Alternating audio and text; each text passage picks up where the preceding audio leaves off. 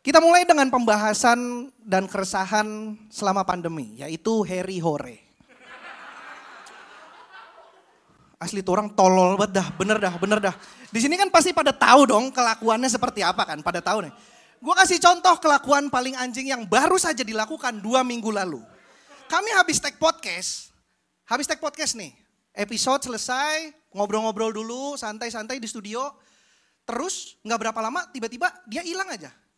Si Harry mana nih? Jadi udah selesai nih, kita lagi ngobrol biasa, nongkrong-nongkrong kan ngaso. Tapi tiba-tiba hilang aja. Terus dengeran suara motor ser, wer, pergi. Terus gue nanya sama teman gue si JJ itu yang biasa di studio. J si Harry ke mana? Nggak tahu kayak beli minum kali, soalnya pakai motor. Tapi rapi, rapi. Anjing pulang nih orang nih jangan-jangan. Gue mikir gitu. Udah kami ngobrol terus sama Yuda, sama yang lain, anak-anak gitu. 45 menit kemudian ada WhatsApp di grup. Eh, lu kalau nyariin gue udah di Margonda ya. Dan itu Harry. Dan kita nggak ada yang nyariin sebenarnya.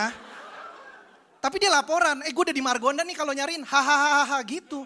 Anjing maksud gue, kenapa lu nggak pamit sih kalau mau pulang? Kelakuannya aneh banget.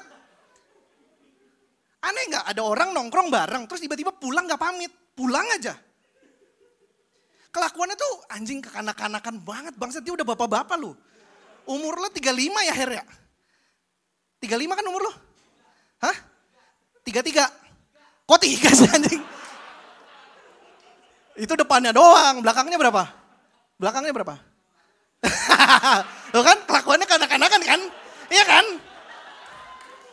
Kelakuannya kanak-kanakan anjing.